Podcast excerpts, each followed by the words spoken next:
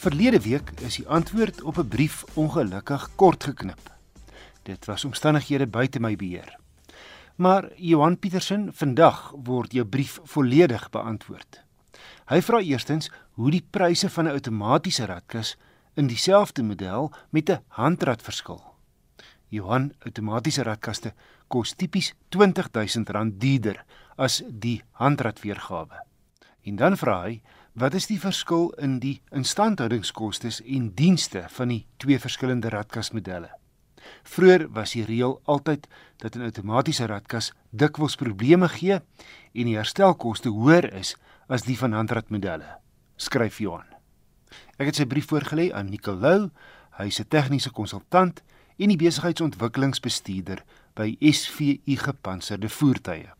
Ja, wissel interessante vraag van Johan rakende die voorsieningskoste van 'n handrat radkas dan nou teenoor 'n outomatiese radkas in ons voertuie.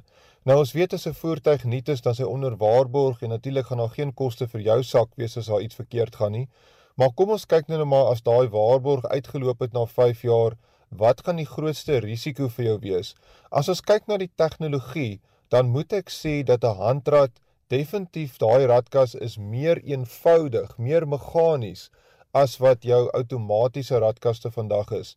En as ons kyk na die outomatiese radkaste, is natuurlik baie kompleks met al die elektronika wat deesdae daarin is, al die kleppe wat oop en toe moet maak, die beheerstelsel. Dit hang ook natuurlik af watter outomatiese radkas of watter tipe ons van praat want daar is ten minste 4 tipes outomatiese radkaste daar buitekant wat gebruik word. Maar as mens statisties daarna kyk, is daar net meer wat verkeerd kan gaan met 'n outomatiese radkas teenoor 'n handrat. So die kort antwoord sal wees dat 'n uh, handrat gaan op die lange duur vir jou goedkoper uitwerk om te onderhou as 'n outomatiese radkas siende dat aandien daar een van daai komponente by 'n outomatiese radkas iets mee verkeerd gaan kan dit baie kostes tot gevolg hê. As ons net vinnig kyk na die vier mees algemeenste outomatiese radkas tegnologieë daar buite, dan moet ons begin wat die Engelsman sê die automated manual. Nou dis 'n radkas wat jy kry by jou intreevlak voertuie wat regtig eintlik maar 'n handrat is wat dan omgeskakel is om outomaties te wees deur 'n beheereenheid wat dan die ratte kan skakel as ook die koppelaar beheer doen. Nou die tipe radkas sal nou nie vir almal se smaak geval nie omdat die radskakeling baie stadig is, dis ook rukkerig. Dan wat ons baie meer algemeen begin sien op die oomblik is wat hulle noem die CVT radkas of continuously variable transmissie.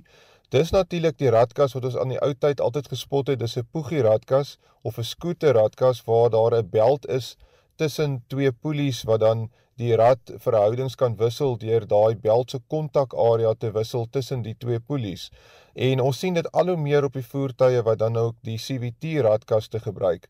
Die outomatiese radkas wat eintlik nog die langste daar is en wat ons die meeste mee vertroud is, sou ek sê is die wringkragomsetter of torque converter radkas wat natuurlik met 'n vloeistofkoppeling werk en meeste van ons voertuie daar buite veral ons duur uh, luxe karre het histories altyd met die radkas gekom en die radkas het homself al deur die jare bewys en ek sou gesê het uit die vier is dit seker jou mees betroubaarste een daar buite. Laastens wil ek net gou aanraak aan die dubbelkoppelaar radkas. Dis natuurlik daai uh PDK of ons praat ook van die DSG, daar's hele wat benamings vir hierdie tipe radkas, maar essensieel is daar twee koppelaars en die voordeel is dat jou ratte blitsvinnig kan skakel omdat die volgende rad al geselekteer kan word terwyl jy nog in een rad ry en dan is die skakelingsproses net die twee koppelaars wat een moet toemaak en ander moet oopmaak om dan die rad te skakel. En dis natuurlik 'n baie vinnige manier om die ratte te skakel. So ons sien dit baie keer in ons sportmotors wat hierdie tipe radkaste is. Ongelukkig nie so betroubaar soos wat jou torque converter tipe radkas is nie. Maar weer eens, outomatiese radkaste, daar is verseker meer wat kan verkeerd gaan as met 'n handrat. Nicolou, 'n tegniese konsultant en die besigheidsontwikkelingsbestuurder by SVU Gepantserde Voertuie. Nuus in die SVU stal is dat die jongste generasie Nissan Patrol nou ook met SVU se B4 of B6 beskermingspakkette beskikbaar is. Motornavraag kan aan my e-pos word. My adres is wissel@rsg.co.za. En volgende week evalueer ek Isuzu se nuwe 1.9 turbo diesel dubbelkajuitpakkie.